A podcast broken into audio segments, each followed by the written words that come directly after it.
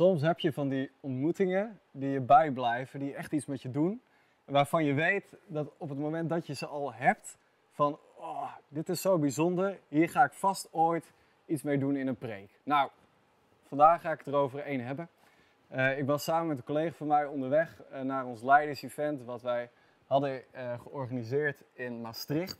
We hadden besloten bij iemand langs te gaan in Arnhem om hem te ontmoeten.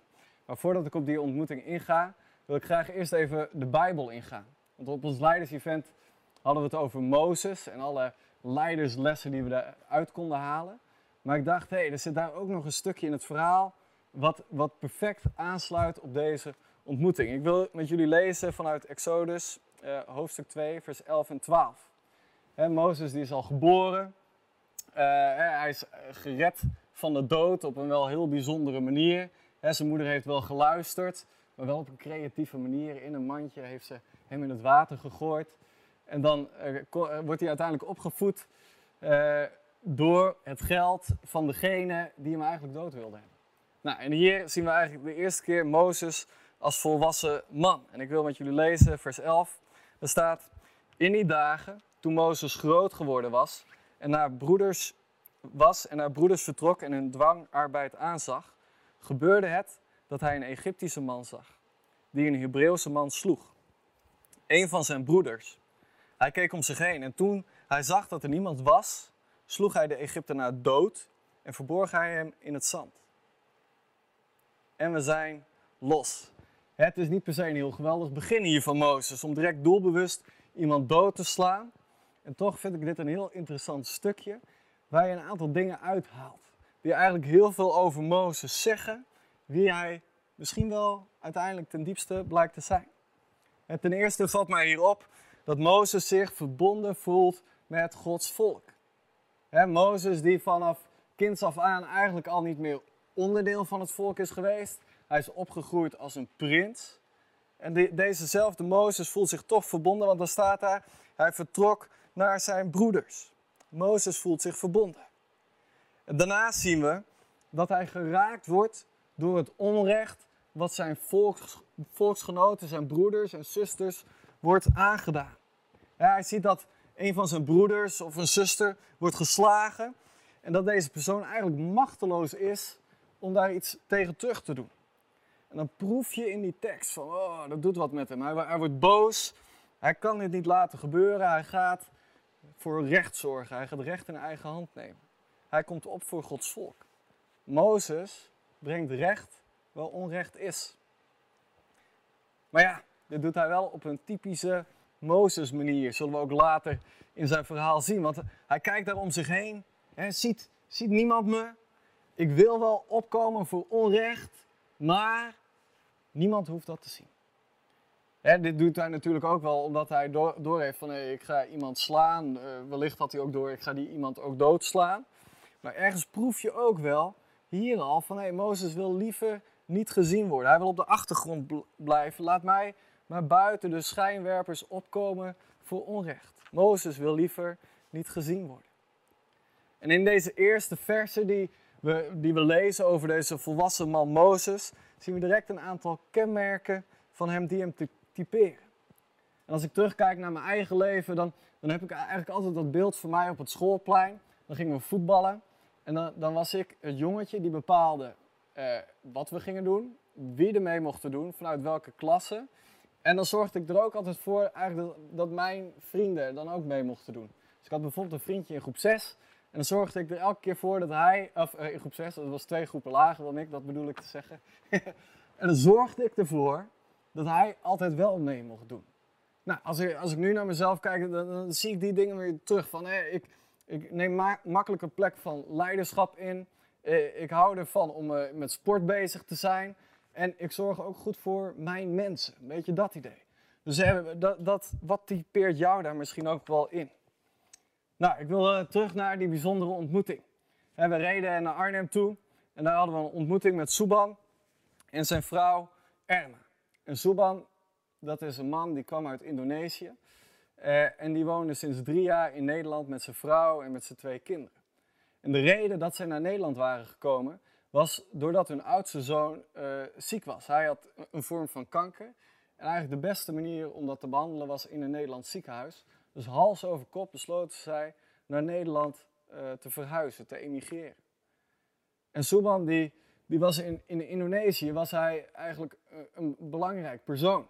Hij was namelijk de leider van een grote sportministeriebeweging in Indonesië, waar duizenden kinderen en jongeren op afkwamen, waar mensen tot geloof kwamen, waar heel veel energie was, waar hij ook al zijn energie in kwijt kon. Want als je Subhan ontmoet, ja, dan is dat een en al energie en mimiek en, en poeh, wat een karakter heeft die man. Maar ja, dan kom je in Nederland.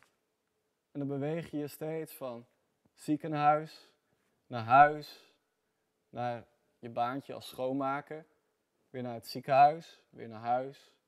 Drie jaar lang. In een omgeving waar je eigenlijk niemand kent.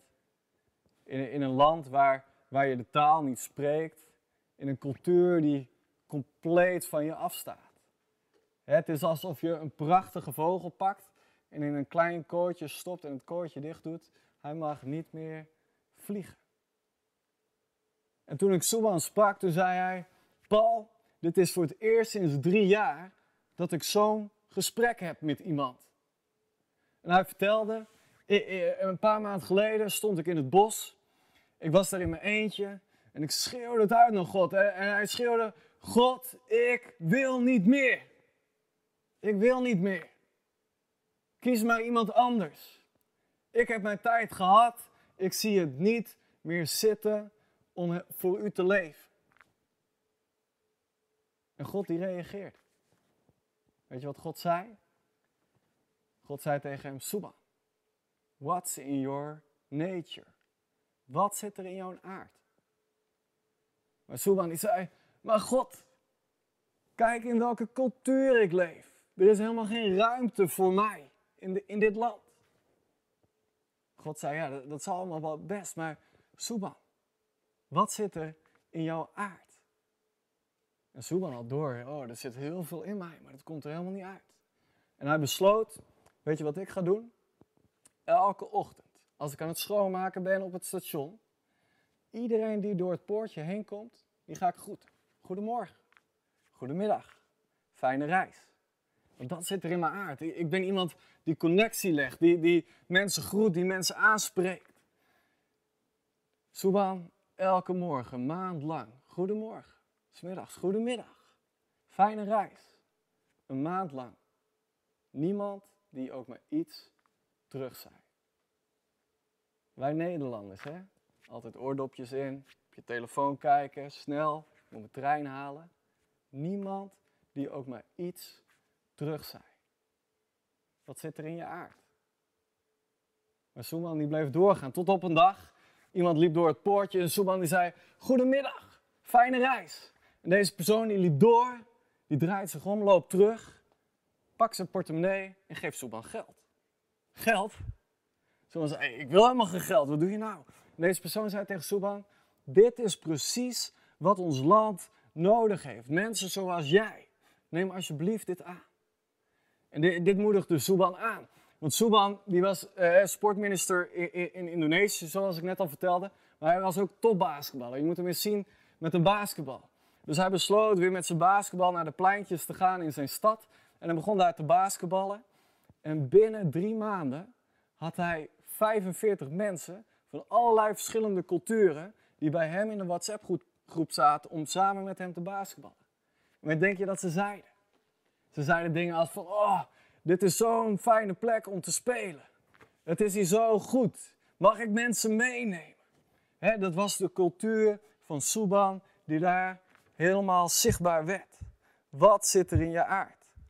Wat heeft God in jou gelegd dat eruit mag gaan komen? In Psalm 139, dan lezen we, want u hebt mijn nieren geschapen, mij in de schoot van mijn moeder geweven. Al voordat jij geboren was, heeft God dingen in jou gelegd die, die bij jou horen, die jou uniek maken en die eruit mogen komen. In het begin van deze parel begon ik met Mozes. En nadat Mozes die Egyptenaar heeft vermoord, dan gaat hij op de vlucht. Want hij wordt ontdekt en hij vlucht naar Midjan. En daar zit hij jaren achtereen in een vogelkooitje. Verstopt. Totdat hij in gesprek raakt met God. Mozes voelde zich verbonden met het volk van God. En dan zegt God, ik ben de God van uw vader. Jij bent verbonden met mijn volk. Dit is al je hele leven zo en ook al gedraag jij je nu niet op die manier, het is wel wie je bent. Je bent een broeder. Mozes wilde recht brengen waar onrecht was. dan zegt God, ik heb duidelijk de onderdrukking van mijn volk gezien. En jij, jij Mozes, jij zal ze uit Egypte leiden. Het onrecht is er nog steeds. En ik spreek je aan op, op het gevoel van dat onrecht, wat misschien wel heel diep weg is gestopt. Waar je jarenlang eigenlijk niet de ruimte voor hebt gegeven om recht te brengen aan je broeders en zusters. Jij gaat recht brengen. En Mozes wilde liever niet gezien worden. Zelfs in het gesprek zegt hij dat tegen God. Hè? Ja, maar wie ben ik? Ik kan helemaal niet goed spreken. Laat iemand anders maar in de schijnwerper staan. En dan zegt God, maar ik ben. Zend jou. En hier krijg je ook nog een hulpje. Je broer Aaron, laat hem dan maar het woord doen. Hij is je mond. God heeft jou gemaakt. God heeft jou gemaakt. En hij weet wel waarom hij je op deze manier gemaakt heeft. Ook die eigenschappen die misschien wel voelen als zwakte, als niet goed, waar je niks lijkt te kunnen toe te voegen. En we zien eigenlijk door de hele Bijbel heen dat te gebeuren. Hè? David, de herder die leeuwen en beren verslaat, wordt David de koning die reuzen en legers verslaat. Of wat dacht je van een Paulus die zeer gemotiveerde volger van de wet is, die wordt een zeer gemotiveerde volger van de weg. Of Simon, de visser, wordt Petrus de visser van mensen. En wat heeft God met jou gelegd? Hoe zit het met jou? Wat kenmerkt jou misschien al wel van jongs af aan? Ik wil je uitdagen om daar voor jezelf over na te denken. Want vaak weet je dit soort dingen best wel zelf goed te benoemen. Maar misschien zijn ze in je leven wel helemaal weggestopt. En ik wil je uitdagen om het weer tevoorschijn te laten komen.